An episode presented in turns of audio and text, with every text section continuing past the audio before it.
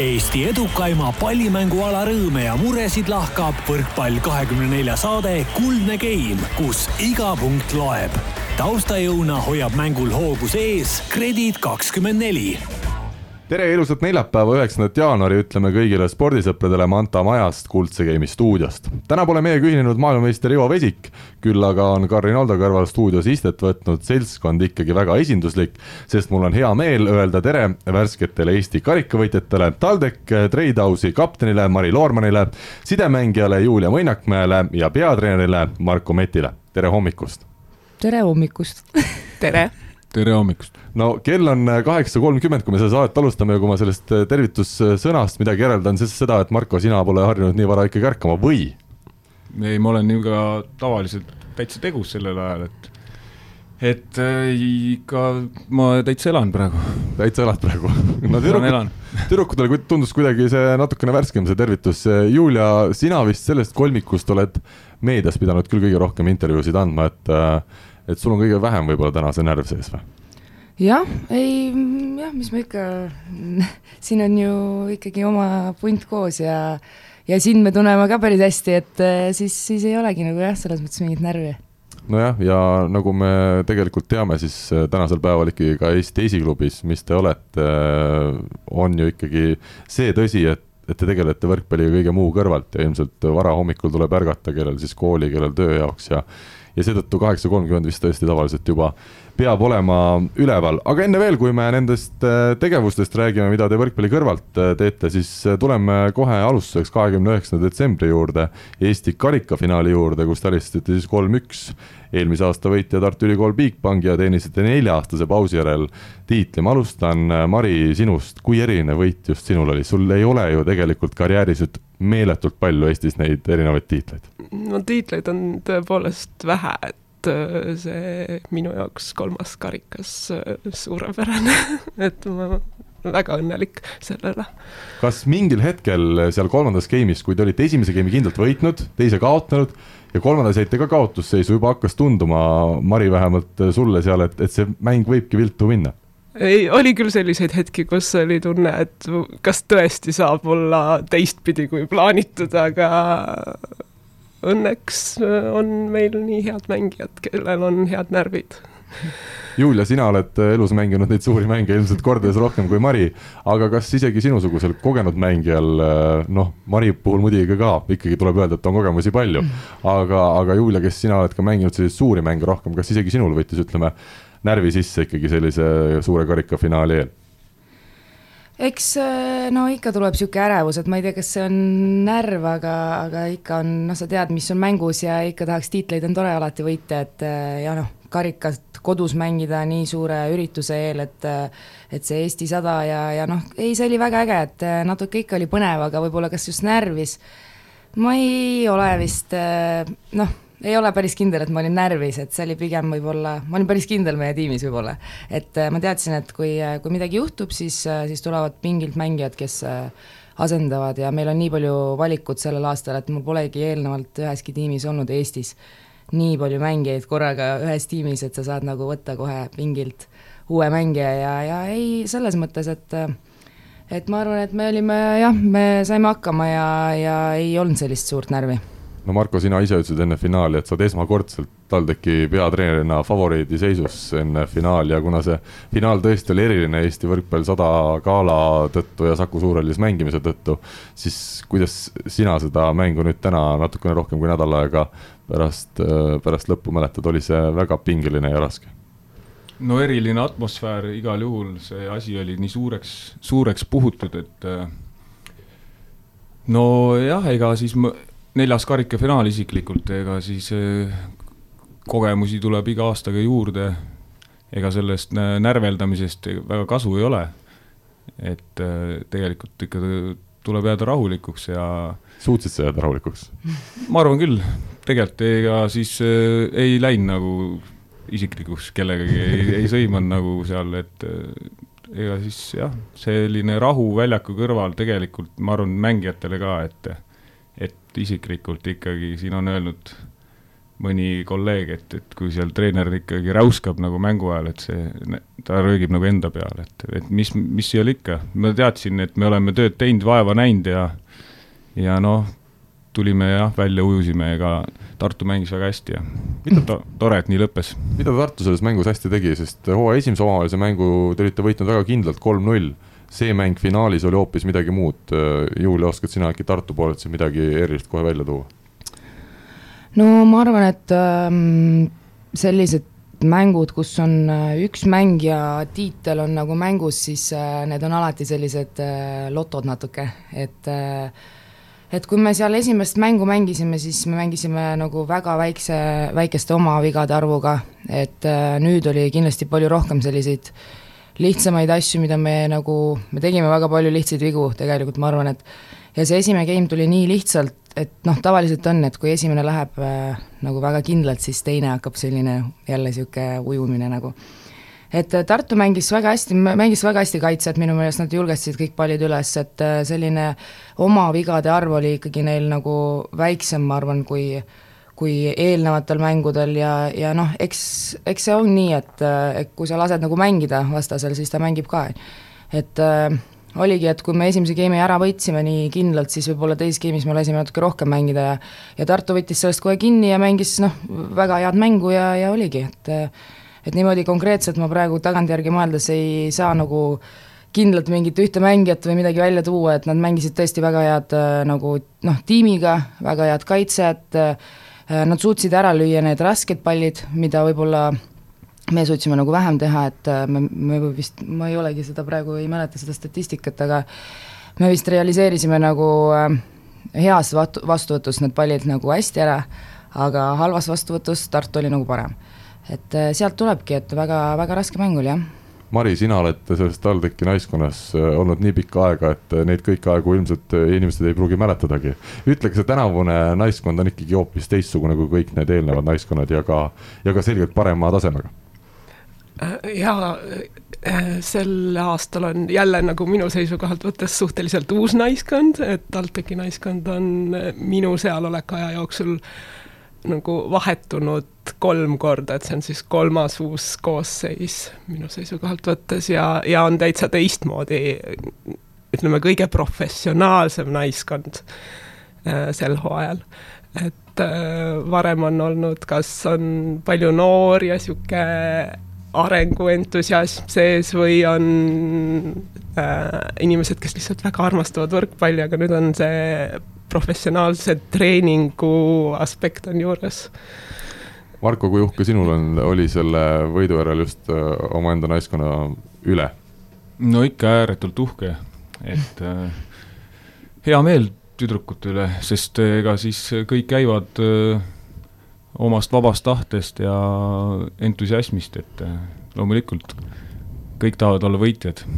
Muideks äh, selle Marko närvilisusega, et äh, enne, üks päev enne seda karikat sõitsime koju trennist ja siis äh, täiesti vaikus oli. no tavaliselt me ikka jutustame ja noh, seekord oli täiesti vaikus. siis ma ütlesin, et noh, Marko, et oled närvis või? et noh, karikafinaal on ju, siis ta ütles ei no mis ma ikka siin närvis olen, et olen juba mitu korda olnud seal finaalis. sõidame edasi, täielik vaikus lihtsalt, ühtegi sõna ei räägi. ja siis Marko, kuule, me mängime homme selle sinise särgiga, jah? siis ma ütlesin, et kuule, mängime jah, väga hea, ma panen need sinised Mizuno tossud siis kõrvale, et et need siis match ivad selle tiimiga. ma ütlesin, okei okay,, sa ei ole üldse närvis, vaata.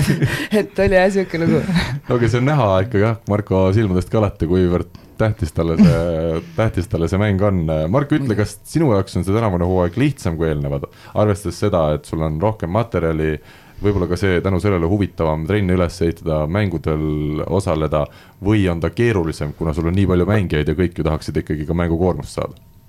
no tegelikult ikka aus vastus on, et äh, see on viies hooaeg et äh, esimene oli keeruline ja nüüd on siin ringiga nagu tagasi tulnud, et see käesolev hooaeg on olnud jah, päris keeruline, sest äh, no see jah, see valik on väga huvitav, kellega toimetada igapäevaselt, et äh, palju hea tasemega mängijaid ja saad teha nagu peab, et sul on olemas kogu aeg trennis kaks sidemängijat ja neli nurgaründajat ja kaks liberot ja kaks diagonaali, et täitsa nagu Eesti nagu koondise trennis.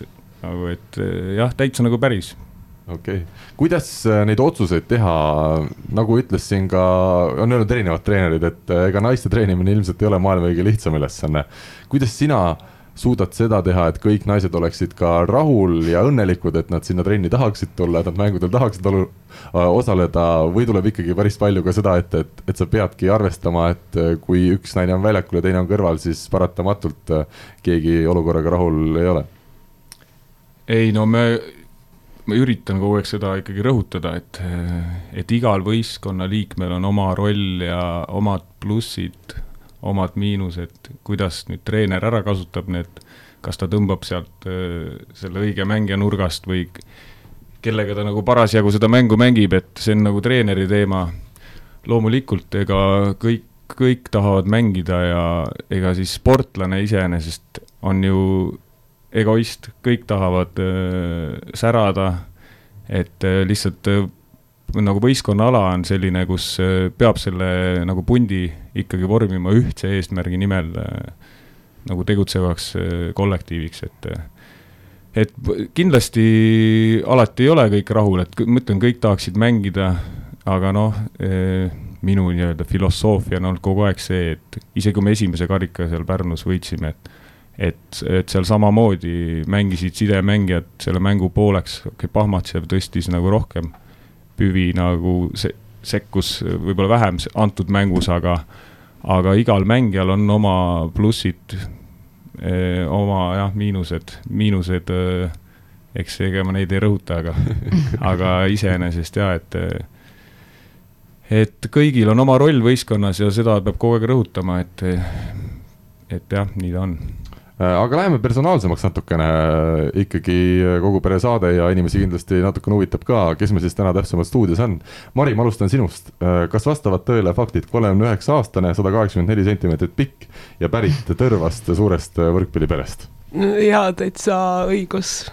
Äh, Tiiu Loorman, sinu ema oli, on siiamaani võrkpallitreener, räägi, kuidas sina siis võrkpalli juurde jõudsid, kas seal üldse oli mingeid teisi variante ka? Kindlasti oli teisi variante, mu ema on tegelikult ehitusinsener. Aga selle ala peale kuidagi ei, ei kippunud. Aga ta on väga suur võrkpallientusiast ja kui mina olin neljandas klassis, siis temal oli juba kaks tüdrukute gruppi võrkpallimängijaid ja ma olin väga pettunud, et ta minu vanustega ei tegelenud ja siis ma sundisin suht sundisin teda võtma minu, minu vanuste treeninggruppi ka ja sealt sai minu võrkpallitee alguse no legend räägib, et koos sinuga õnnestus sul iseendal võtta sellesse samasse gruppi kaasa kolmkümmend tütarlast, kas see vastab mm. On küll, kõik minu klassi tüdrukud käisid trennis kõik, ja, ja paralleelist äh, enamus ja natukene mujalt ka. kuidas see lobitöö käis, sa siis läksid kõik klassid, võtsid järjest läbi peaaegu või? ei, ma arvan, et seal ei pidanud väga midagi tegema, see lihtsalt juhtus nii palju nendest äh, tüdrukutest, kelle sa enda käest toona kaasa võtsid võrkpalli juurde, jäi pikemaks ajaks? Äh, need, kes on suuremad võrkpalli armastajad, nemad mängivad veel praegust äh, Rahvaliigas ka, et ühe võistkonna jagu tüdrukuid on Tõrvas praegust olemas, aga natuke noori on ka peale tulnud. nii et kui peaks juhtuma, et äh, Mari ikkagi lõpuks kunagi otsustab, et ta meistriliiga tasandil taandub, siis on sul kohe Rahvaliiga punt, kes sind ootab, jah? on küll neid on mõni kõik sinu eakaaslased, Mari, on tänaseks ilmselt võrkpalli mängimise tõsisemal tasemel lõpetanud. kas sa tunned ennast ka üksikuna täna meistriliigas mängides või sa oled selline nooruslik inimene, kes vaatab, uued tulevad peale ja neid vanusenumbreid nii väga ei, ei vaatagi? ma ei saa sellest vanusenumbrist üldse aru et minu, minu jaoks on kõik mu võistkonnakaaslased on minuga võrdväärsed, et nemad võib-olla tunnevad seda vahet rohkem kui mina, et mina ei saa üldse aru, et midagi oleks nagu ealises mõttes teistmoodi. kas sellises eas sa tunned ka ise veel, et sa lähed iga aastaga mingis mõttes paremaks või sa õpid midagi juurde? jaa, ma mõtlen rohkem asju läbi, mis ma teen ja liigutad vähem, nagu öeldakse, et kogemustega, et kogemustega ei ole vaja nii palju enam rahmeldada. ei, seda ma ei, jah, võib-olla lihtsalt ei liigu enam nii palju, aga liigutada tahaks ikka mis sind võrkpalli juures köidab? See on küll raske küsimus see on, võrkpall on elu kas see on, kas see ikkagi peamiselt, et see on üks äh, naiskond alati ühel hooajal ja see on justkui üks pere, mis tundub nagu elu lahutamatu osa, osa või sulle meeldib see mäng iseenesest nii kõvasti seda mm. palli lüüa? võib-olla eelkõige on see üks pere, millest ei saagi lahti lasta enam, see seltskond on kogu aeg ja see jääb. Äh, pallimängu mõttes võiks olla ka mõni teine spordiala, kus on rohkem inimesi kaasatud, aga et see just sai võrkpall olema, see on, see juhtus nii ja see on väga hea. Marko, annan sõna sulle. milline on äh, Mari mängijana ja kui suur eeskuju ta teistele naistele on? no ma olen seda varem ka rääkinud siin mõnes intervjuus, et, et igal juhul siin meil on äh, päris palju selliseid väga äh, toredaid naisvõrkpallureid, keda võiks tuua eeskujuks meie naiskonnast. on neid päris palju, Mari kindlasti noh, Mari ongi TalTechi naiskond, ta on äh, algusest peale siin olnud. aga jah, et kui siin äh, otsitakse nagu võib-olla vabandusi või mõeldakse, et miks ma täna ei saa nagu trenni tulla, siis Mari on alati trennis kohal, et äh, igal no juhul Mari eeskuju. otsib äh, tööl vabandusi, miks jälle trenni minna varem, ma arvan, seal käib niipidi lihtsalt see.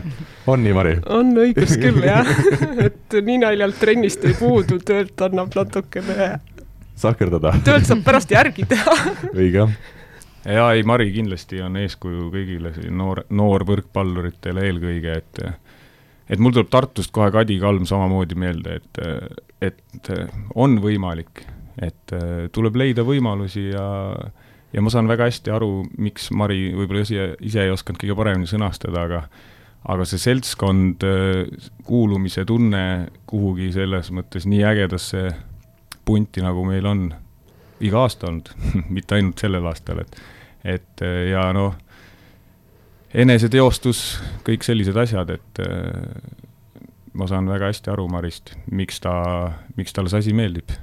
Julia, kuidas on äh, keskele tõsteid anda Marile? ei no suurepärane, ta annab alati märku, kus, et ta on olemas ja, ja, ja mulle meeldib, kui kui äh, ründajad annavad endast märku ja tahavad saada tõstet, et ei, et ma arvan, et me selle hooajaga leidsime äh, leidsime selle klapi ka lõpuks, et, et ma tunnen ennast väga noh, selles mõttes hästi tema kõrval ka. Maris, sa jõudsid meistriliigasse kolmekümne kahe aastasena, see on iga, kus paljud Eesti naisvõrkpallurid on juba võrkpalli, võrkpalluri karjääri jätnud sinnapaika ja hakanud tegelema kõige muuga. kas sa ise uskusid üldse, ütleme siis kahekümnendates eluaastas, mõtlesid selle peale, et sa võiksid ühel päeval meistriliigas mängida? no tegelikult ma mängisin meistriliigas varem ka. mängisid ikkagi jah, et ma olin äh, kunagi noortekoondises ka aga see oli aga siis, siis ütleme. jäi katki, sest et muud huvid tulid peale, mõtlesin, et ma käin koolis ja tegelen teiste asjadega. ja tegelikult et, et ma tagasi tulin niimoodi natuke suuremasse võrkpalli, selles äh, on osa Tiit Kõivul, sest et me mängisime kunagi suvalisel turniiril, segaturniiril koos ja ma jäin talle meelde. ja, ja siis, äh, siis ta küsis, kas on võimalik, et ma, kas ma tahaksin tulla TalTechi naiskonda. ilus oleks, kui sa kooli ka tuleksid ja siis ma ütlesin, ma olen alati tahtnud Tehnikaülikoolis õppida, et leidsin endale eriala ja kolisin Tallinnasse ja hakkasin võrkpalli mängima. ja kui ma õigesti olen aru saanud, siis sul on juba tänaseks ilusasti üles kasvanud äh, poeg? no on päris kõrgeks kasvanud juba kas sealt on ka võrkpallur tulemas um,? ta mängib palli küll, jah. ja kui vana ta on ja kui pikk ta tänasel päeval on? Mul kohe raske küsimus sellest. üheksakümmend kaks või neli pikk ja seitseteist aastat siis ei ole pääsu, Mari. siis see läheb edasi, see traditsioon, ma arvan. loodan aga ta mängib siis tõsiselt ka kuskil praegu noorteklassis või? Äh, meeste esiliigas Nonii, mina olen kahekümne seitsme aastane ja mängin Rahvaliigas, nii et siit juba kohe jälle aru saada, kes on andekas ja kes väga mitte. Äh, Mari, ma küsin su käest nii, ma tean, et sa oled siin viimasel ajal mänginud tegelikult kas läbi tugeva põlvevalu, igatahes mingisuguse vigastuse, kuidas, kuidas sa ennast äh, suudad sedasi mängima panna? ma ei tea, see tahtmine on ilmselt suurem kui valu, et ma ei, ma ei oskagi öelda. ma lihtsalt tahan mängida palju rohkem, ma ei, see ei ole vabandus, et ma kannatan ära aga põlve olukord hullemaks iseenesest ei ole siis läinud või mm. ikka läheb jah no ega ta paremaks pole kindlasti läinud. paremaks läheks siis, kui teeks pausi, aga päev pausi on juba piisavalt pikk, et nädalast ei tahaks rääkidagi. vahel paus ongi kõige hullem, et äh, ei tohigi nagu seisma korraks jääda, muidu läheb veel hullemaks. sest mina mäletan suvel ma vaatasin mingit rannavõrkpalli etappi ja sa mängisid seal ja, ja sa ei, sa ei liikunud, sa minu arust see juba väljakule tulemine oli vaevaline, aga siis, kui läks see vile kõlas ja pallivaatused läksid käima, siis sa mingil imemoel said ikkagi oma punktid mängitud, et äh, kas sa selle pausi peale siis oled mõelnud ka või sa praegu mängid lihtsalt nii kaua, kui ikkagi kuidagi mängitud saab? ei, ma ei, ma ei mõtle pausi peale v, võib-olla suvel, kui on natukene külmemad ilmad ja väga ei taha õue minna ja vihma sajab, et siis ma teen pausi aga, aga praegu mitte ja ei, mängu ajal ei pane neid valusid tähele. kui palju sina täna, Mari, tuleviku peale mõtled, mitu aastat sa veel tahaksid meistriliiga tasandil mängida? ma ei julge selle peale mõelda ja Marko, nagu ma olen aru saanud, siis paljuski üks TalTechi suuri eesmärke ongi see, et lõpuks võita Mariga kas siis Balti liiga või Eesti meistrivõistlused, et ta on ikkagi seda nii kaua võistkonda vedanud, et ta on seda väärt? no kahtlemata on väärt, aga ega elul on omad sellised, elu teeb omad korrektuurid, loomulikult eesmärk on meil ikka no, sellise võistkonnaga, nagu meil on sel aastal, ikka tiitlid. ja noh, see oleks väga ilus iseenesest, aga aga on alati, et äh, me ei saa nüüd juba ennast siin, me ei saa nagu niimoodi mõelda, et pean saama Eurovisioonile, muidu suren nagu seal selles kuulsas, kuulsas selles tujurikkuvas sketšis, et äh, peame võtma päev-päevalt ja homme sõidame Kaunasesse, et ega kõik, mis on olnud, see on olnud ja siiamaani on kõik väga hästi. et äh, proovime sama hästi edasi teha ja ma ütlen vahele nii palju, et Mari on tegelikult teie võistkonnas ju ka karikafinaalis oli võtmemängija absoluutselt. tempod olid teil ikkagi väga head ja, ja siin tundub küll, et Mari, kui vähemalt kümme aastat veel mängib, siis äh, on tal tekil edu ka garanteeritud. on nii, Margo? no Mari on meie võistkonna öö, äh, maskott. Mari on, Mari jääb, Mari olema peab, oleks vist need laulusõnad mida Kihnu Virve ei kirjutanud ja ma ei kujutaks ette jah, võistkonda ilma Marita, aga, aga kindlasti Mari mingi aeg samamoodi lõpetab mängimise. no vaatame, mina selles nii kindel ei ole äh, Mari, ole hea, ütle, milline sinu tänane päev välja näeb, siin on nii-öelda argipäev, ma ei mõtle nüüd tänast päeva konkreetselt, aga kuidas nüüd keskmine Mari Loormani päev välja näeb? no lähen kontorisse ähm, hommikul suht vara, olen esimene enamasti, tahan varakult hakkama saada, alustada oma tegevusega ähm, ma müün lumesahkasid kaheksa pluss tundi päevas ja pärast seda. aga sel, sel talvel vist väga palju neid sahkasid ei ole müünud või? no õnneks ma müün põhja poole ka ah,, et siin ei ole siinne talv mind ei sega, et, et mujal on lumi maas. ja, ja kui ma selle tööpäeva lõpetan, siis, siis ma lähen trenni. ja, ja nii ongi. ja jõuad küll ja, tegelikult, jah? jah see trenn on ikkagist päeva parim osa, mis siis, kui vahepeal võib-olla on niisugune tunne, et nagu hästi aga, ei jõua, aga aga siis... ütleme, et oled, on megapäev olnud tööl ja oled kolmkümmend seda lumesahka ära müünud, mis siis äh,, mis, kas siis ikkagi vahel on isegi see tööpäev parem kui trenn või? Ei, ei, ei ole, seda ei ole kunagi, jah? see ei ole võimalik. kui vahel on trenni raske minna, siis teen selle esimese jooksuringi soojenduseks ära ja siis on juba väga hea olla. super, seda naudingut ja, ja rõõmu on ka sinu äh, tegevusest ja, ja silmadest näha, aga tuleme edasi Julia juurde. alustuseks faktikontroll, kakskümmend üheksa eluaastat, sada seitsekümmend viis sentimeetrit ja Pärnust pärit, vastab tõele?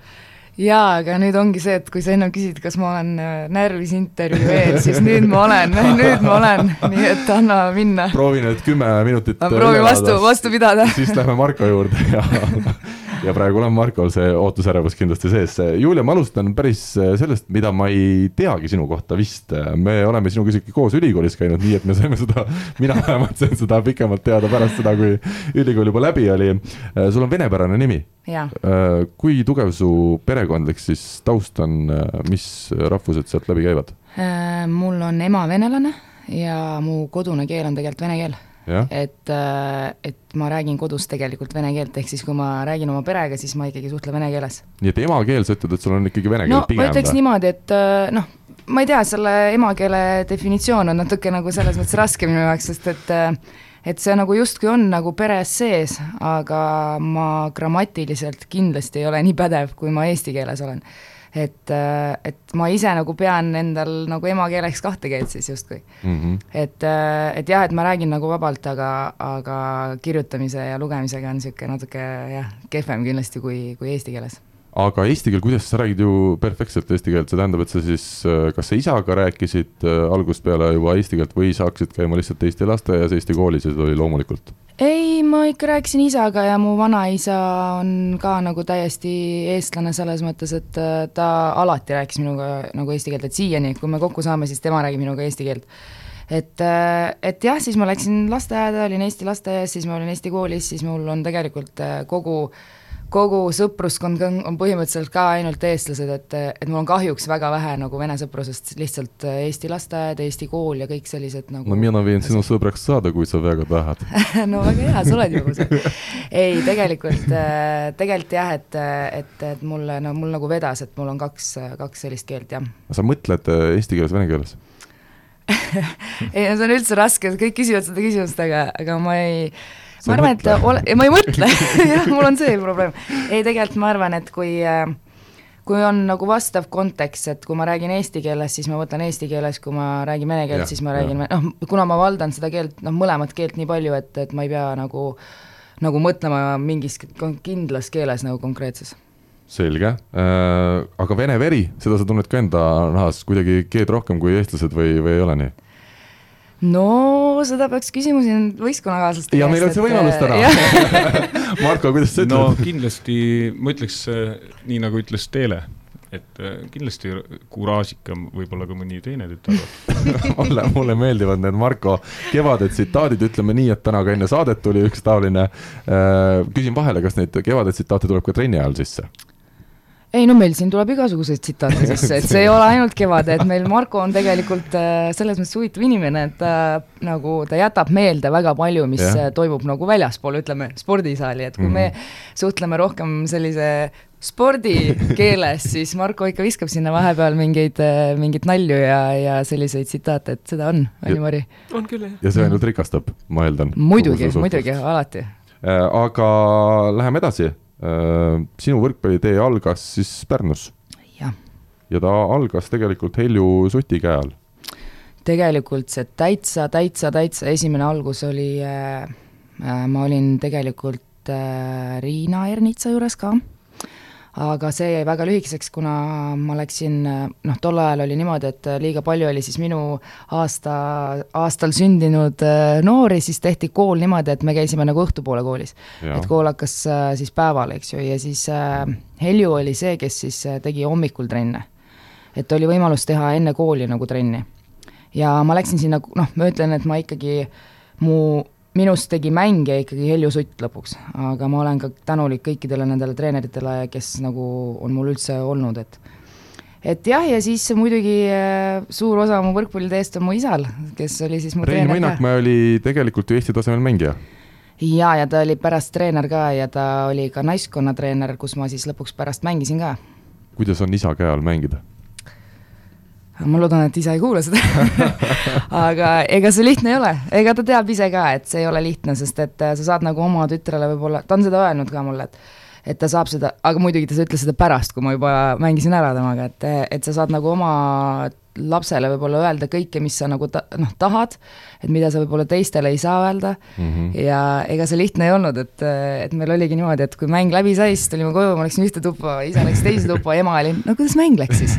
et, et tegelikult need aastad olid jah, sellised, aga need muidugi kasvatasid mind väga palju, et võib-olla nagu kui sa ennem küsisid, et kas mul on seda nagu temperamenti veits sees, siis ma arvan, et äh, eks see on jah, et see osa, kus oli isa treener ja eks see natuke on mind võib-olla tugevamaks kindlasti teinud, et, et nüüd ma nagu ei karda ühtegi treenerit äh, mis, äh, kui isast rääkida, mis positsioonil tema mängis? nurgaründaja. aga sina oled sidemängija? nii et läks ikkagi viltu? Ei, see tegelikult sellega oli lugu nii vist isegi olnud, et äh, kui isa tõi mu Helju Suti juurde, siis Helju oli küsinud, et no mis mänge me siis teeme ja, ja siis isa ütles. see on nagu liinitööl põhimõtteliselt. põhimõtteliselt oli ette, ette määratud ja siis oli nagu selline, et noh, et võiks nagu sidemängija olla, on ju et äh, aga noh, sidemängijad ei saa päris niimoodi esimesest päevast nagu aru, et kas see on side või ei ole, et äh, ju siis niimoodi ta läks ja noorteklassis ma mängisin ju kõike, et ma jõudsin tegelikult ühe aasta mängida isegi meistriliigas nurgaründajat Pärnus, et jah, et see oli olude sunnil jah, et tegelikult nagu noorena sai, no ma arvan, et kõik me oleme mänginud igal positsioonil äh, noorena, et äh, et selles mõttes jah, et, et ma ei olnud kohe nagu sidemängija. selge, aga see sidemängija amet on miski, mis sulle ikkagi väga meeldib endale?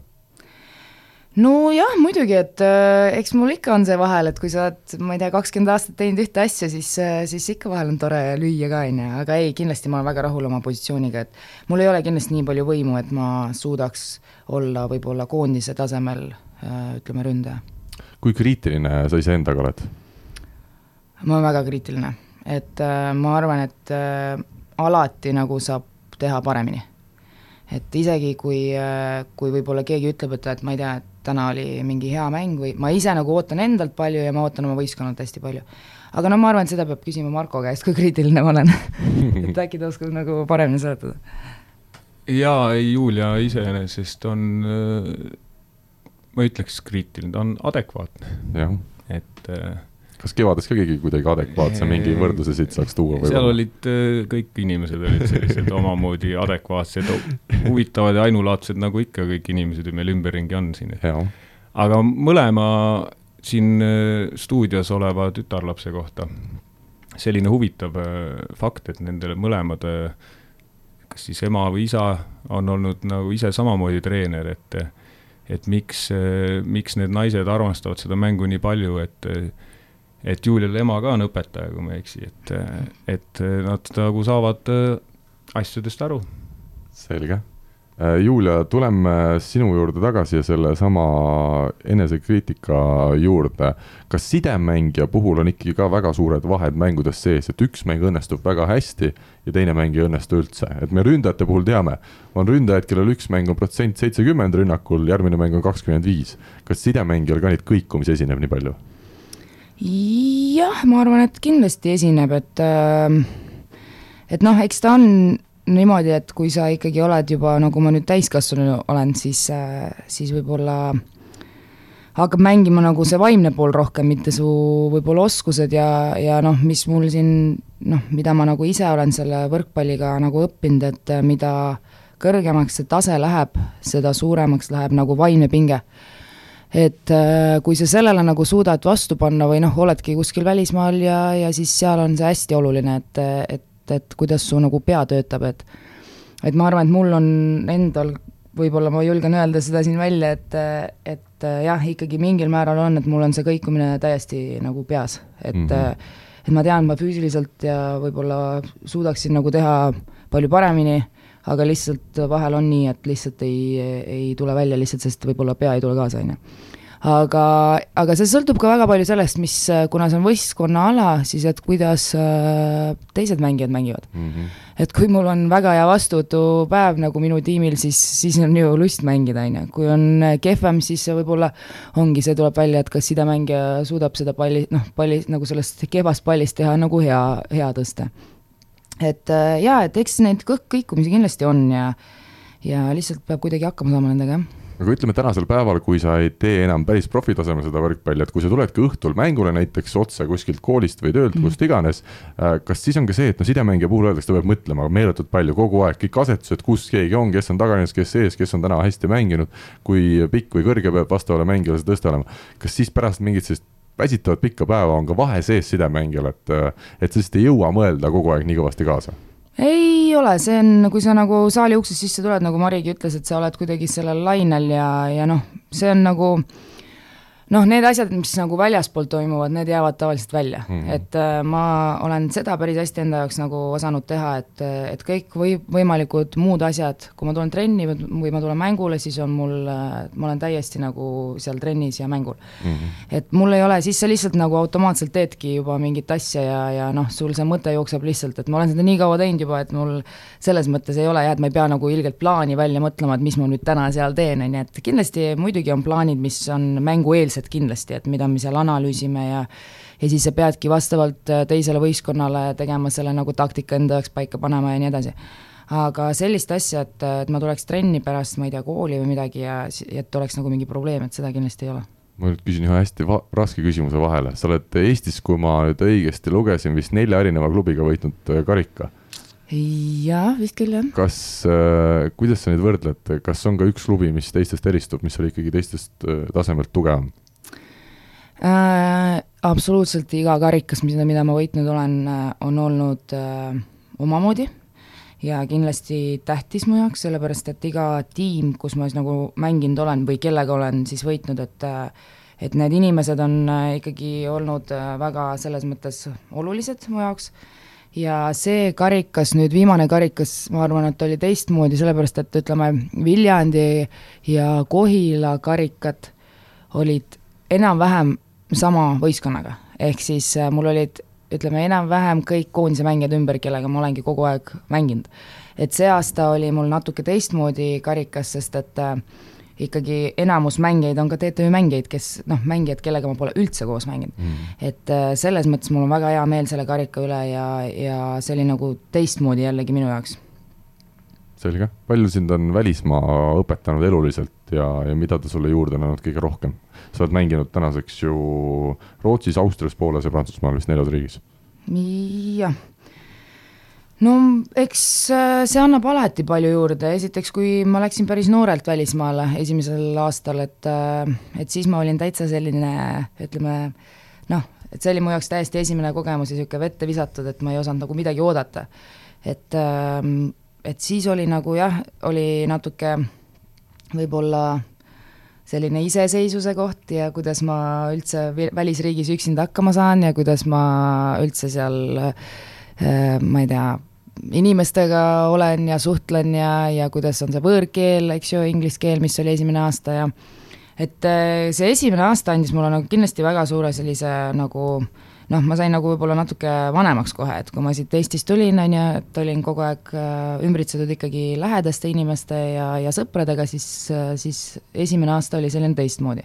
aga mul tegelikult on hästi palju vedanud, et mul on alati olnud äh, võistkondades mängijad, kes kes on sellised nagu ema rollis võib-olla natuke, et kui ma nagu noor olin. et, et olidki nagu palju vanemad ja palju kogenumad ja tõesti väga head mängijad, kellelt mul oli väga palju õppida, et, et mul on selles mõttes natuke vedanud mida ma nagu olen üldse aastate jooksul õppinud, ei kindlasti ma olen väga palju õppinud, et äh, noh, et iga riik on muidugi omamoodi, et kultuuridevahelised erinevused on väga suured, äh, erinevad treenerid, erinevad mängijad. kas no. vene keel on aidanud sind või? on absoluutselt mitte. ei jah mm, -mm. kõik need riigid on olnud liiga no jah, et ütleme, no nüüd eelmine aasta Prantsusmaal oli üks äh, temps meil äh, venelane, no ta oli väga õnnelik, ta ütles, et kui ma tulin, ta oli lihtsalt nii õnnelik, et äh, siis Anu ja Liis ütlesid ka, et kui ta kuulis, et ma tulen ja ma räägin vene keelt talle lihtsalt, et tal oli väga hea meel. et juba ei. enne kohtumist olite sõpradeks saanud juba? jaa, et me olime juba, juba, ma tulin, siis ta tuli mulle otse vastu ja ütles, et tere, ma olen Alja ja ma räägin vene keelt, ütlesin väga, väga hästi, et et selles mõttes jah, et ikka nagu on neid olnud, aga näiteks Poolas oli nii, et ma ise arvasin, et poolakad nagu peaks oskama vene keelt ja poolakad üldse ei rääkinud vene keelt ja ma ei saanud üldse poola keelest aru, et äh, siis oligi esimene kuu oli selline käte-jalgade peal ja, ja nad ei tahtnud üldse inglise keelt ka rääkida. et see on selline nagu ka huvitav kogemus.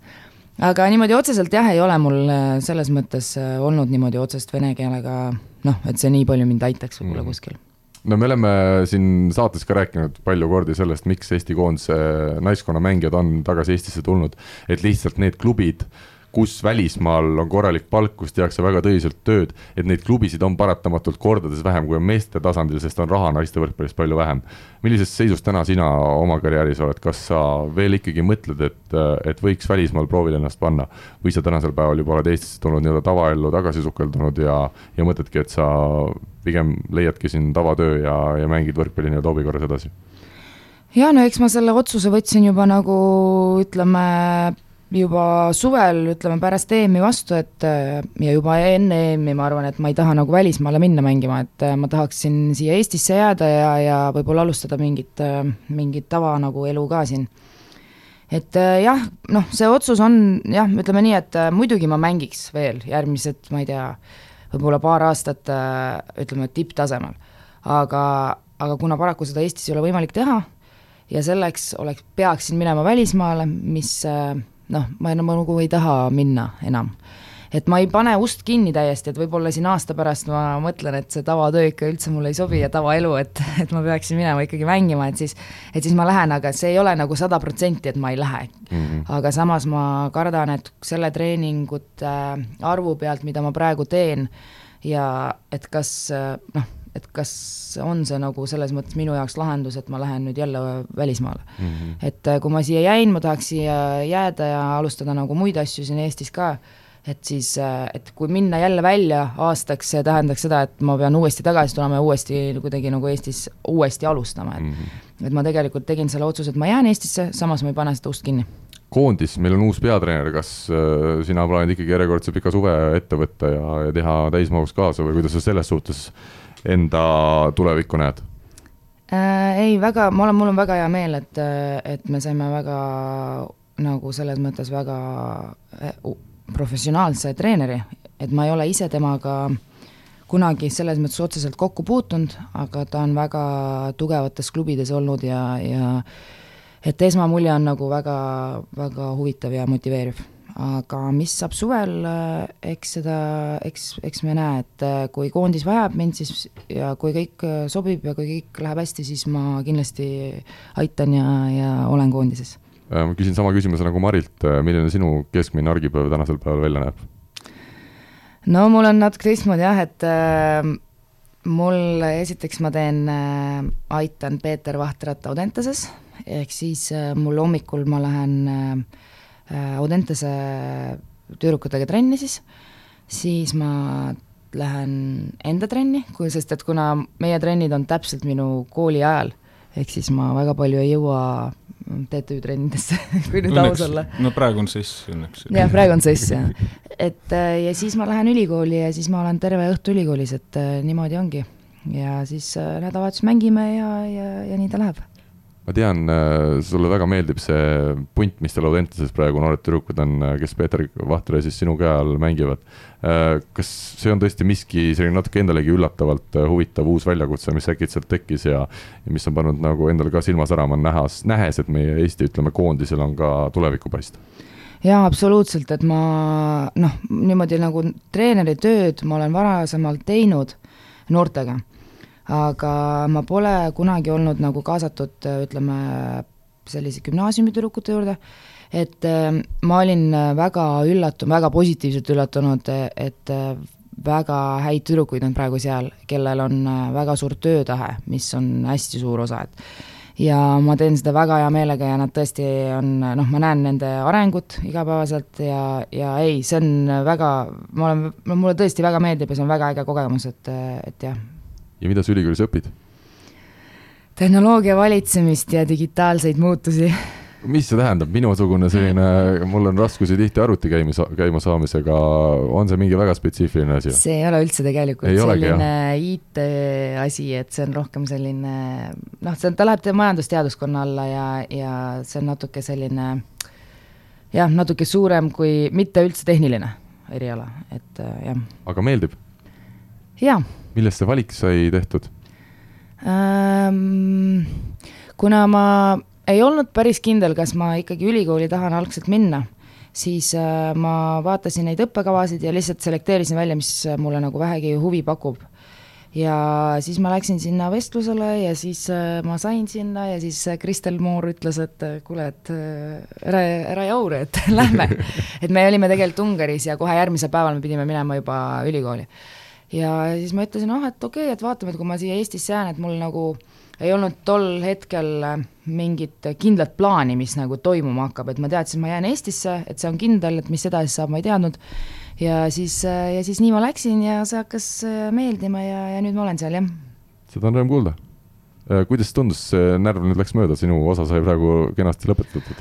oo, ma ei tea, kas see nüüd, mul on tegelikult selline pingelangus siin praegu võib korra ära käia seal no, kohvi võtmas. see pingelangus on jah, pärast karika seda finaali on olnud päris, ega ei ole olnud kõige kergem ree peale tagasi, aga ma ütleks Julia eh, jutu peale veel seda, et ta rääkis sellest, et et temal on olnud alati vanemad mängijad, kes teda on suunanud, noh, tõmban paralleeli enda võistkonnaga, et praegu meil on samamoodi. üheksakümmend üheksa, kaks tuhat tüdrukuid on seal viis-kuus.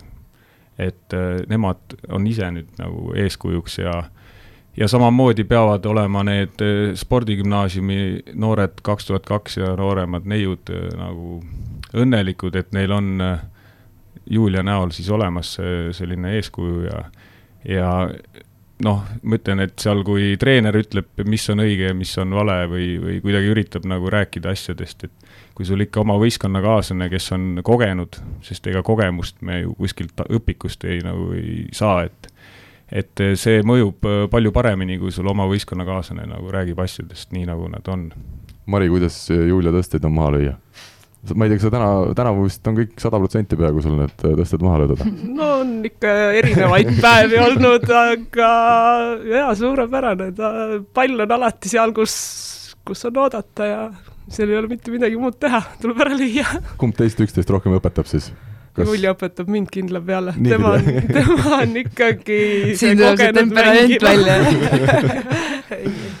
selge, aga tuleme, Marko, sinu juurde ja ma alustuseks küsin hoopis Mari kohta. meil on uus treener ja uus koondis, aga vaadates, kuidas Mari karikafinaalis mängis, kas siin üks ime järgneb teisele ja Mari on kevadel koondises või? no seda peab äh, uue peatreeneri käest küsima. et äh, loomulikult äh, kõik temporündajad, võtke eeskuju, vaadake Balti liiga parimate blokeerijate edetabelit, kes seal domineerib jaa, mina tean, see on Mari. Et mõni lihtsalt oskab, et äh, siin tulles nüüd meeste juurde samamoodi, noh, miks äh, on seal Siim Ennemustil vahepeal kaheksa ja, ja mõnel teisel äh, vähem. selge, aga räägime sinust endast, sa oled Võrumaa mees. Ja ega Võrus vist on ju Võrumaa mees ikka Võru mees, jah. ja ega seal vist äh, pigem peaks küsima, et kui sa ei oleks võrkpalli juurde jõudnud, et kuidas nii juhtus, et, et pigem seal Võrust ikkagi sel ajal, kui sina veel noor olid, siis see võrkpall oli peamine spordiala? no ikka jah, et tegelikult äh, korvpall väga meeldis ja ise nagu ikka hoovisporti mängisime rohkem korvpalli, aga aga see on nüüd see saate osa siis, kus peab hakkama kiitma ennast jah, et me, et tegelikult äh, tagasihoidlikkus on ikka voorus, et mis ma siin ikka me oleme päris palju juba siin rääkinud. aga Võrust läksin Kääpa põhikool, väike külakool, tulin Audentse spordigümnaasiumisse, käisin siin kolm aastat. ja mängijana siis? jah, Audentse spordigümnaasiumis kolm aastat noor võrkpallurina. kes sinu eakaaslased seal Audentses olid? no kohe nüüd saan ära nõelata, et Nii. Andris Õunpuu siin käis, istus, et talle tundis meelde, et me temaga ühes klassis käisime.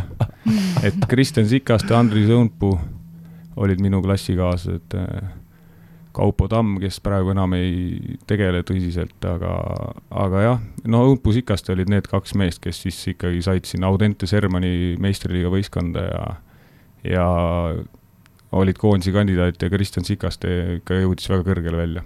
sina olid nurgaründaja või?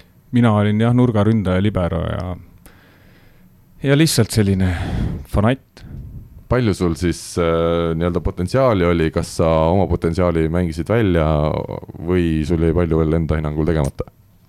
ma arvan, ma lõpetasin täpselt õigel ajal, et ega ma mängisin Võrus samal ajal, kui ma lõpetasin gümnaasiumi, kaks tuhat kaks tehti Võrru meistriliiga võistkond Urmas Tali eestvedamisel ja ja sai seal seitse aastat mängitud äh, Baltikumi kõrgemal tasemel võrkpalli noh, tegelikult Balti liiga meestele kaks tuhat viis vist, kaks tuhat viis, kaks tuhat kuus oli esimene hooaeg.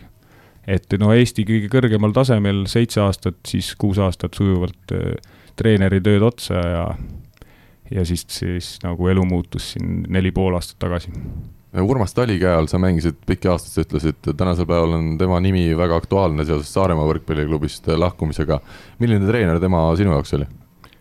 no Urmas kindlasti üks minu mentoritest, eks kõik Eestis tegutsevad treenerid on äh, minu jaoks eeskujud ja ma olen iga, väga palju kõik, kõikide siin Eestis tegutsevate treeneritega kokku puutunud, kõigi käest midagi õppinud, Urmas oli see mees, kes äh, puhus äh, Võru võrkpallielule selle uue hingamise sinna sisse ja, ja noh, tema all ma mängisin kaks aastat, siis ta siirdus Tartusse. aga igal juhul ma pean olema Urmasele väga tänulik, et et ta nagu jah, sest ma ei mahtunud kuhugi mujale siin meistriliiga võistkonnas tänu nagu sellele, et Võrru selline punt tekitati, ma ikkagi sain seda asja nagu tõsisemalt edasi teha ja nüüd on see asi jõudnud päris kaugele, et ma olen selles ülepeakaela selles võrkpalli asjas sees. Võime siin kuulajatelt korraks küsida mõtteis, et mis seob Aavo Keelt, Oliver Lüütsepa, Marko Metti ja Urmas Tali ja õige vastus on see, et nad on kõik Võrust pärit, oled sina mõelnud, kuidas see on võimalik, et Eestis nii suur osa meie nii-öelda tipptreeneritest on tulnud just Võrust? no Aksel Saal no,, Raivo Eenos, kaks, kaks jah. nime kohe, et äh, Raivo sai siin auhinna ka neljandal jaanuaril pidulikult, äh, et äh, need kaks meest kindlasti on olnud suured eeskuju. Andres Kuin samamoodi Võrust oli pärit, et et kuidagi on tekkinud ja millegipärast sellel Võrul on selline oma aura, et seal on traditsioonid, Jaan Gutmanist hakkas pihta ja ja millegipärast jah, on nii juhtunud, et äh, päris palju treenereid on sealt kandist nagu pärit, jah. kuidas sinust treener sai? mul oli, no tegelikult niimoodi, et äh, kui ma, kui ma käisin spordigümnaasiumis, siis kehakultuur oli kõigi jaoks selline no-go, et äh, ega väga vähesed äh, mõtlesid võib-olla nii nagu mina, et mul oli selge, ma läksin sinna võrkpalli tegema tõsiselt, olin spordis sees, et minu jaoks oli see loogiline, et ma pärast gümnaasiumi lähen äh, ülikooli õppima kehakultuuri ja ja esimese tõuke nii-öelda või nagu praktika ma sain aastal kaks tuhat viis, kui Laimos Raudsepp kutsus mind sinna Särevere spordilaagrisse, noh, sealt äh, tegin kümme päeva lastega laagris trenni ja siis käisin aasta sõjaväes ära, tulin tagasi ja magistrantuur ja siis nii ta läks, et noh, olgem ausad, see võrkpall on noh, Mari ütles, et võrkpall on elu, no see on samamoodi minu jaoks elu, et ma olen väga palju pidanud ohverdama siin eh, läbi kõikide nende aastate, et et see lihtsalt on elustiil, jah milline sinu võrkpallifilosoofia tänasel päeval, kuidas sa ennast treenerina kirjeldaksid, mis on see, mida, millist mängu ja millist asja sa tahaksid ajada? no eks neid filosoofiaid on igasuguseid ja, ja treener samamoodi nagu mängijad aastatega arenevad ja et äh, oi, neid asju on päris palju, kindlasti ma, ma äh, olin teistsugune, olen olnud ka meeskonnatreener, et, et selline ikka räuskanud seal ja saatnud igale poole mängijaid ja ma arvan, et äh, austus treeneri ja mängijate vahel on ülitähtis ja, ja no õpetajana ise pedagoogika, et mis asi on üldse pedagoogika, ma olen selle peale päris palju mõelnud ja, ja tegelikult on see, Aksel Saal on öelnud, et ega sa kunagi ütles, tähendab, et ega sa, Mett, ennem õige mingi treener ei ole, kui sa oled õi-, ühe mängumehe üles kasvatanud väiksest peast, et et äh, nüüd, kui ma olen saanud vanemaks, siis ma olen aru saanud, et ega pedagoogika või treeneri töö väga paljuski seisneb selles, et sa kasvad oma õpilastega kokku, et äh, nad õpivad sind tundma, sina õpid oma õpilasi tundma ja siis saate te üksteist mõjutada, et äh, kui õpilane või nii-öelda sinu treenitav ei võta sind, ei austa sind ja te ei aktsepteeri üksteist, siis äh, sealt nagu ei tule ka midagi. kui rasked on need hetked, kui tulebki keegi mängija, kelle sa oled ise nii-öelda üles kasvatanud ja ütleb, et ta nüüd läheb edasi või ta lõpetab ära? tegelikult treeneri süda ikka kogu aeg murdub, kui, eh, kui sinu mängija nagu läheb ära ja, ja samamoodi noh, tuleb klomp kurku, ega neid eh, väga palju neid endisi õpilasi ei ole ka, et kes tulevad ja panevad sulle käe pihku, ütlevad, et kuule, tänud, et äh, nüüd ma nagu saan aru, et, et äh, siia sõites samamoodi arutasime, et, et ega treener läheb trenni, ta annab endast nii palju, et äh, kui, kui te, sinu õpilane lõpuks saab aru, et, et ega treenerid kõik, nad ei tee seda keegi raha pärast, et mm -hmm. eks neil kõigil on suur süda sees ja, ja noh, kindlasti Paeluki treeneri töö juures eh, väga paljuski see öeldakse, et, eh, et õpetaja, treeneri töötasu on eh, laste säravad silmad, et et see noh, ma ütlen seda, ma ei oska seda niimoodi kohe sõnadesse panna, mis, mis see treeneri töös on see, mis paelub, aga mm. -hmm. noh, eks see on see positiivne emotsioon ikkagi, millest sa saad tagasi. Milline sinu päev tänasel hetkel välja näeb, selline keskmine, ma tean, sa oled ju tegelikult reaalkoolis keelesekasvatuse õpetaja. päev on päris tihe, et pool seitse tavaliselt ärkan ja ega ei ole väga palju neid päevi, kus ma ei pea kaheksaks minema kooli ja, ja ma ei saa minna kaheksa null kaks või kaheksa null kuus, et alati endale ka meeldib minna pigem varem, no igale poole ka mängudele, et lähme pigem varem, et, et sa trenni samamoodi ei saa joosta paelad lahti ja siis hakata tegema, et alati selline tulema varem saali või siis noh, minema, lähen kaheksaks kooli, tavaliselt on kuus tundi.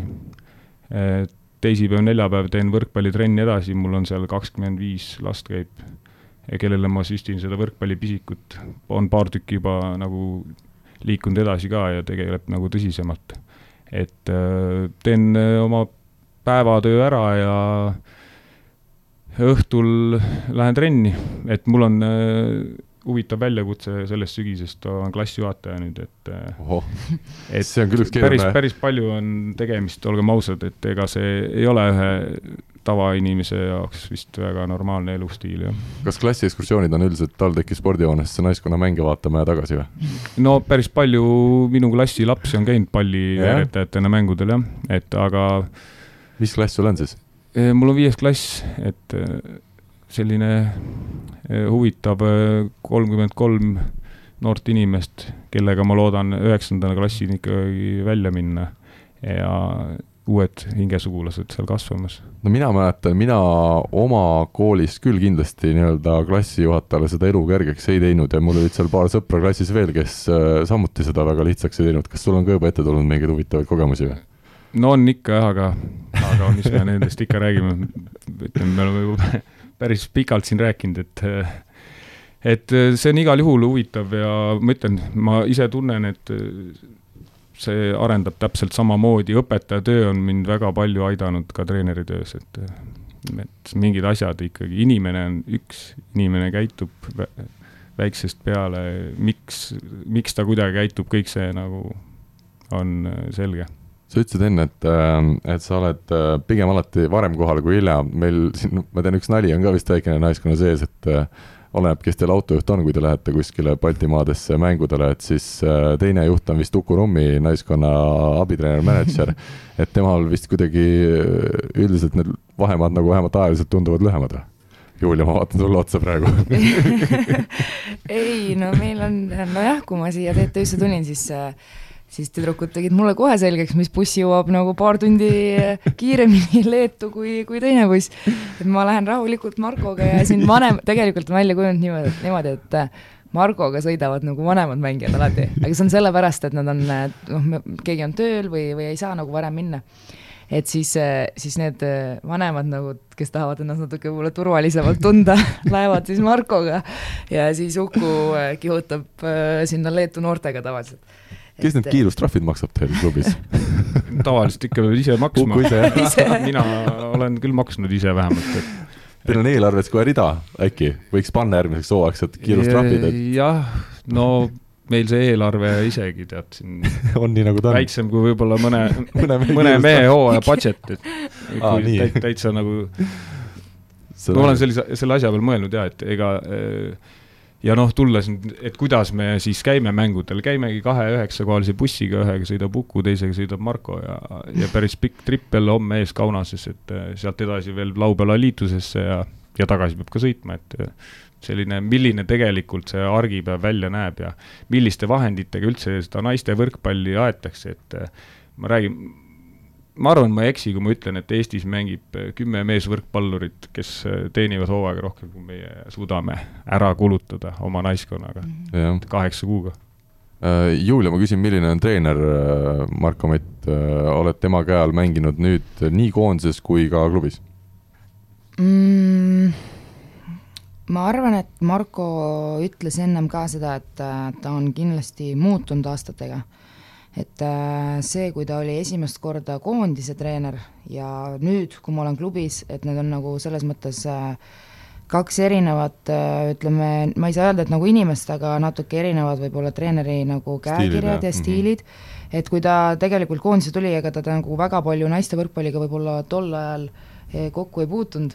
Ja, ja nüüd, kui ma olen, et et äh, nagu ta ise ütleski, et iga, iga treener ka nagu aastatega saab kogemusi juurde ja areneb mingil määral ja et ta on, ma ütleks, et ta on nagu palju rahulikumaks jäänud nüüd ja, ja ta ma näen, et ta hoolib nagu väga-väga palju, et äh, see ongi oluline, mis on nagu treeneri juures, ta teeb seda väga südamega ja nagu sellise päeva, noh, sellised päevad, nagu tal need välja näevad, et see, iga treener võib-olla ei, ei teeks sellist asja, et et äh, müts maha tema ees kindlasti, et ta, ta teeb seda väga suure südamega ja, ja ma arvan, et selline tahe, mis tal on ja olla selle võistkonna juures ja üritada ikkagi noh, ma ütlen, päris raske on tegelikult naiskonnas alati, nagu sa ütlesidki, et võib-olla Marko ei tahtnud seda välja öelda, aga, aga ega päris raske on ikkagi ära jaotada nagu mänguaega äh, ja, ja eriti mängijate vahel, kes teevad seda ikkagi noh, täiesti, täiesti tasuta mm, -hmm. eks ju.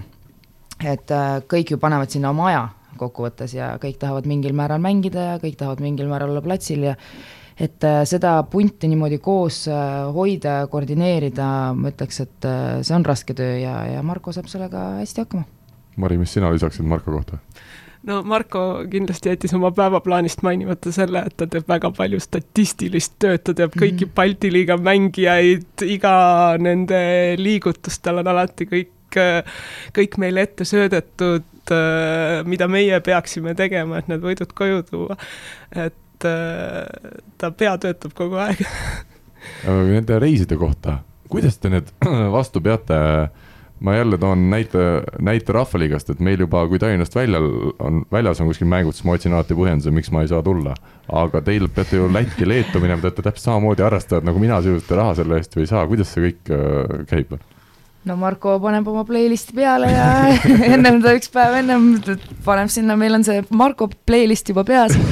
et ei, väga hea playlist, ei no seal on ikka igast seinast seina laule minu arust on seal mõnus muusika. Spotify on kõige vingem äpp, mille ma siin olen avastanud. ja, ja, ja, ja, ja nüüd äh, ta avastab seda iga reis, ütleme nii, et, äh, et, et eks meil nii on, istume sinna bussi ja siis hakkab peale see trip. no tavaliselt ikkagi see ongi bussijuhi eelis, tema saab valida et, et siis kõik teised peavad ära kuulama. sellepärast sa nii pikalt sõidadki, et siis on, saab rohkem laule kuulata selle no, muidugi, lihtsalt nüüd on ring täis saanud, me oleme päris palju juba käinud siin lõunanaabrite juures, et mm, -hmm. et jah ma arvan, et Markol on nagu see ka, et äh, päris raske on ära mängida kaks päeva või noh, sõita, mängida kaks ja. päeva ja sõita tagasi. et äh, võib-olla tihti mõeldakse, et noh, et ta ju ei mängi, on ju. aga no tema ju, töö on veel suurem kui sellel võistkonnal, et, et ma arvan, et see on nagu väga raske, et et väga tore, et Spotify on olemas Spotify on hea, jah. aga mis teid motiveerib siis kokkuvõttes neid Läti-Leedu reise ette võtma, kas teil on ka nii vahel ikkagi, Julia ja Mari, et mõtlete, et äkki, äkki leian mingi vabanduse, et seekord ei peaks tulema kaasa või? minu jaoks iseenesest on see bussisõit pigem nagu puhkus, see on see hetk, kus mitte midagi tegema ei pea ja väga ei saagi, et siis ma chill ingi rahulikult, mõlgutan omi mõtteid ja võib-olla koon sokki võib-olla vot. Mari on meil väga suur kuduja ja.. meil on kõi-, tervelt, ma kuulsin, noh, kuna ma olen selles mõttes uus sellel aastal, aga aga ka siin jutud käivad, et Mari koob kõigile sokke veel siin. jah, kas on... Julia oma on juba kuskil äh, kamina peal äh, valmimas või? no väike osa võistkonnast on oma sokid kätte saanud ei, aga ei, selles mõttes, et, et selle, noh, minul endal ei ole kunagi küsimust, et, et oo, et mis ma nüüd ette võtan, et ma ei peaks sinna minema. et kui ma olen nagu mingi võistkonnaga koos siis ma ikkagi üritan kõik nii teha, et ma käin igal mängul ja iga, et see ei ole vahet, kas see on siis Tallinnas mäng või on see Leedus ja ja no ütleme nii, et äh, ega Eesti vahemaad on nii väiksed, et tegelikult see ei ole üldse mingi nagu probleem, et kui siin jah, eelnevad aastad sai sõidetud nii Poolas kui Prantsusmaal, et kus sa pead noh, lendama isegi, et et siis praegu tundub see nagu täitsa lihtne. Aga ma ütleks ikkagi, et iseloom kasvab, mängija iseloom kasvab, et loomulikult paras kunsttükk on hoida kõike seda punti koos.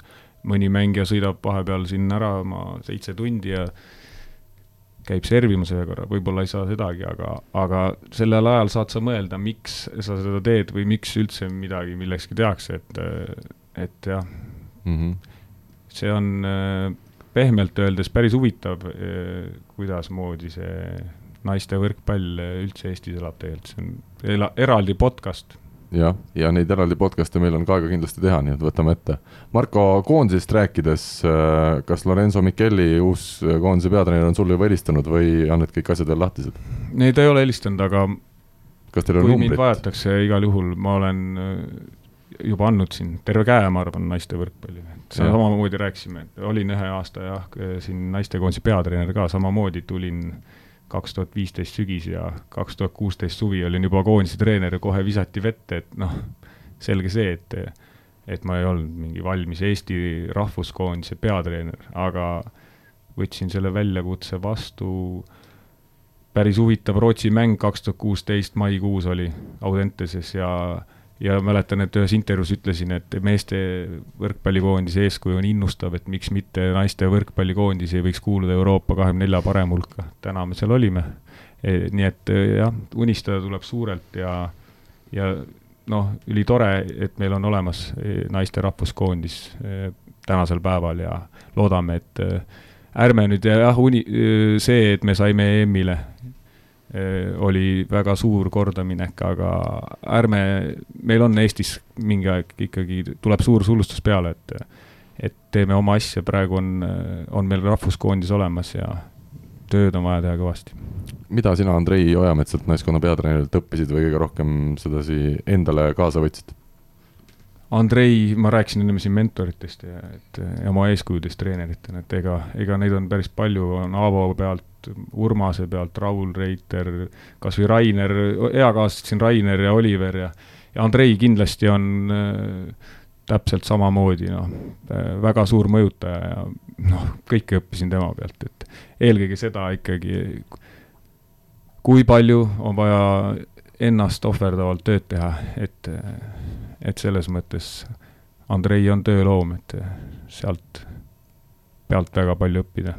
ma ei hakka konkreetseid asju välja tooma, neid on nii palju. selge, aga meie läheme siit veel kiiresti küsimusmängu juurde. küsimusmängu toetaja on teamshield.com oma disainiga spordi ja vaba aja riided eelmisel nädalal sai siis äh, kõigilt kuulajatelt uuritud, äh, millise tähtede mängu ja millise tähtede mängu võistkonnad äh, nemad kokku paneksid. ja meile tuli üheksa huvitavat siis võistkonda, igaüks väga omamoodi ja ma annan täna Marile võimaluse öelda ühest üheksani ühe numbri.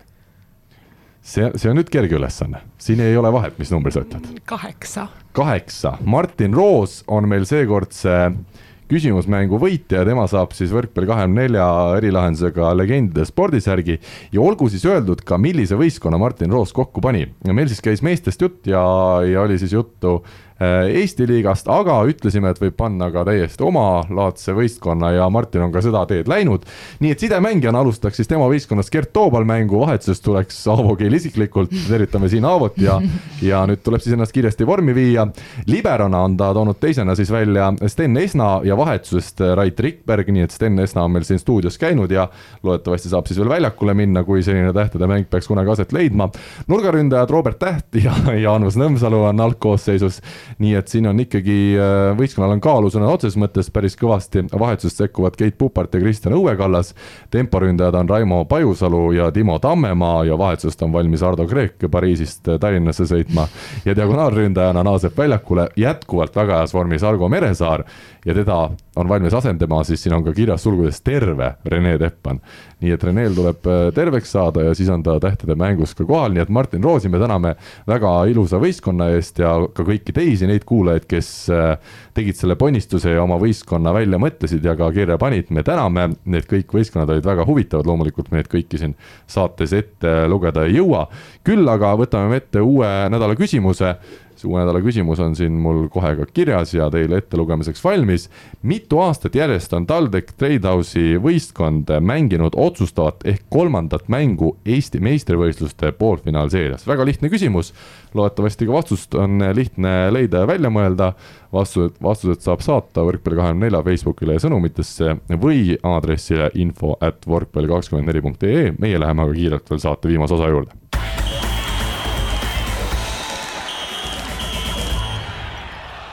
ja saate viimases osas siis alustuseks olgu öeldud eelmise saatega seoses paar parandust, täiendust, me oleme saanud siin võrkpalli rahvalt, eelkõige alaliidult natukene kurjustada, et äh, mida me kõike siin ikkagi räägime. ja olgu siis öeldud, et miks ei olnud Sten Esnat aasta noortetreenerite nimekirjas, äh, on siis põhjus see, et äh, need välja valitud selguvad puhtalt teenitud punktide põhjal ja tema, Sten Esna, siis neid punkte lihtsalt nii palju ei olnud, et ta sellesse nimekirja oleks kuulunud, Marko, olen ma vist asjast õigesti aru saanud? oled saanud jah, et eh, siin sellel parimate valimisel on oma statuut ja iseenesest seda oleks võinud ennem lugeda, et ja. et jah, loomulikult tunnustamist vajavad väga paljud inimesed, aga noh, siin need parimad, kellele jagati oma reeglite järgi nii, teine asi, mis ma sain teada, oli siis see, et ainsad välismaal töötavad Eesti treenerid, Rainer Vassiljev, Oliver Lüütsepp, olid küll äh, aastatreenerite nii-öelda nominatsioonis sees, aga lihtsalt kuue parema hulka neid ei nii-öelda hääletatud. nii sain mina sellest aru, äh, on kuidas on kolmas asi, mis ma teada sain, oli see, et valiti ikkagi kahe tuhande kaheksateist, kaks tuhat üheksateist hooaja paremaid, mitte eelmise aasta paremaid, seetõttu on ka natukene arusaadav, miks Oliver Lüütsepa võib-olla sinna kuue hulka ei jõudnud. ja ainus asi, mis mulle nüüd ikkagi arusaamatuks ja selgusetuks jäi, meil on jätkuvalt esimene eestlasest võrkpalli maailmameister Rivo Vesik treenerina siis aga võrkpalligalal ei leidnud tema see saavutus äh, ühegi sõnaga äramärkimist, ma arvan, et meil maailmameistreid, nagu öeldud, varem ei ole tulnud ja kes teab, millal järgmine tuleb, kui Võrkpalliliit ikkagi ürituse korraldab, siis oleks viisakas sellisele mehele kas või mingi eriauhind järgmisel korral välja mõelda. aga nüüd on teema, millest tahaks veel väga lihtsalt äh, lõpetuseks rääkida, Tallinna Selveri ja Saaremaa võrkpalliklubi eilne mäng Grade kakskümmend neli meistriliigas. Marko, ma tean, sa vaatasid seda mängu ma olin TalTechi spordihoones, vahepeal vaatasin korvpalli ja siis. miks sa korvpalli vahepeal vaatasid? no ma olin seal majas, meil oli trenn ja siis kuidagi sujuvalt jäin sinna majja edasi, ei saanudki nagu hakata koju sõitma, sest arvutist käis võrkpall ja saalis käis laivis, käis korvpall. ja, nii need õhtud mööduvad. ja nii ta, nii sa jõuadki, et pead ikka isegi spordiuudiseid järelvaatamisest vaatama. no vot. et jah, vaatasin seda mängu päris täp-, nagu otsast lõpuni kõiki pallivahetusi näinud, aga, aga jah, iseenesest äh, seda, mida Timo Lõhmus tegi, nägin küll, jah. ja see on, ütleme, senise võrkpallihooaja kindlasti üks suuremaid üllatusi, Tallinna Selver, kes oli eelmised kolm mängu tänavusel hooajal Saaremaale kaotanud, nüüd siis suutis kodus kolm-üks võidu võtta. esiteks kiidaks Selveri võistkonda ja seda kogukonda ja kogukonna juhti äh, Gerda Kiisat, kes on väga suure töö ära teinud ja eilsel mängul oli meeldivalt palju rahvast, ma ei tea, kas kolm-nelisada inimest, see ütleme, küljetribüün, mis neil seal välja on tõmmatud, oli täiesti rahvast täis ja hoopis teine tunne oli, kui siin eelmistel Selveri mängudel, Selveri mängijad nimelt olid siis erinevatel, erinevates poodides käinud äh, inimesi mängule kutsumas ja tundub, et see värk õnnestus.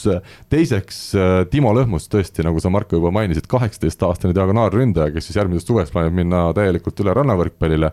nüüd lõpuks sai oma võimaluse, nagu ta ise ütles, lasti puurist välja Matei Schmideli asemel asemel, miks ta üldse Matei Schmideli asemel väljakule pääses, põhjus seisnes selles, et Schmidl oli pidanud mingi auto liisimise tõttu minema sõitma Tšehhisse kodumaale tagasi selle autoga.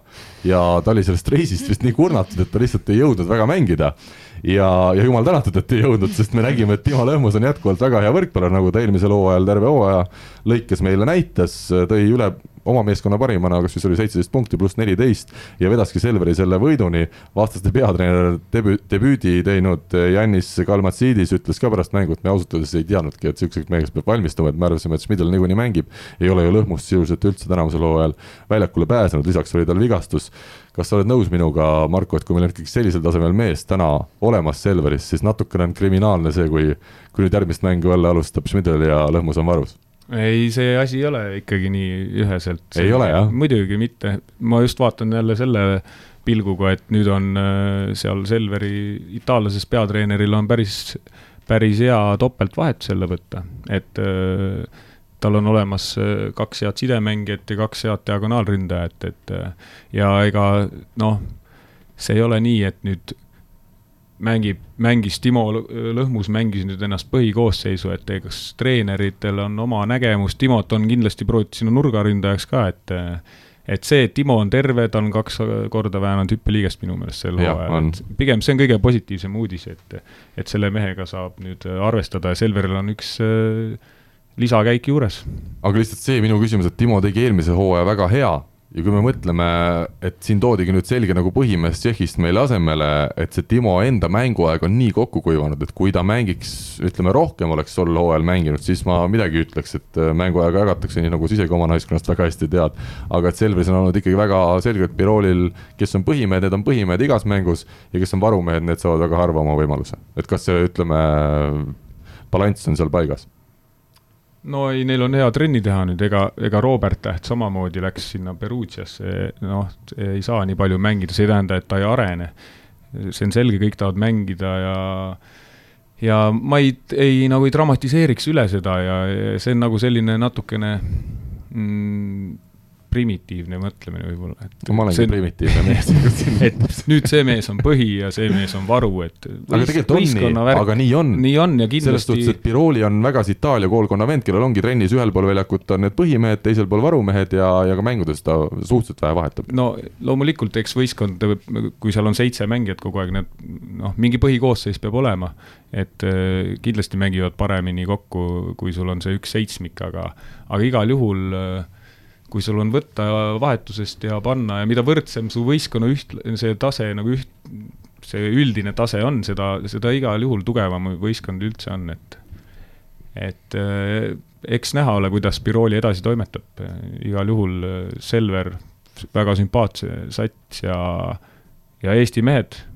okei okay,, side ja side ja siis no, Smiidel, teine side ja Smiidel on väljast, aga, aga üldiselt öö, eh, mulle teeb väga hea meelt, et äh, ma olen Eesti võrkpallipatrioot, et äh, et Tartu noored mehed, Alex Saaremaa, Albert Hurt, Märt Tammearu ja, ja, ja Selveris samamoodi siin Renet Vankerid ja kõik, kes siin mängivad, et, et Eesti omad mehed teevad asja.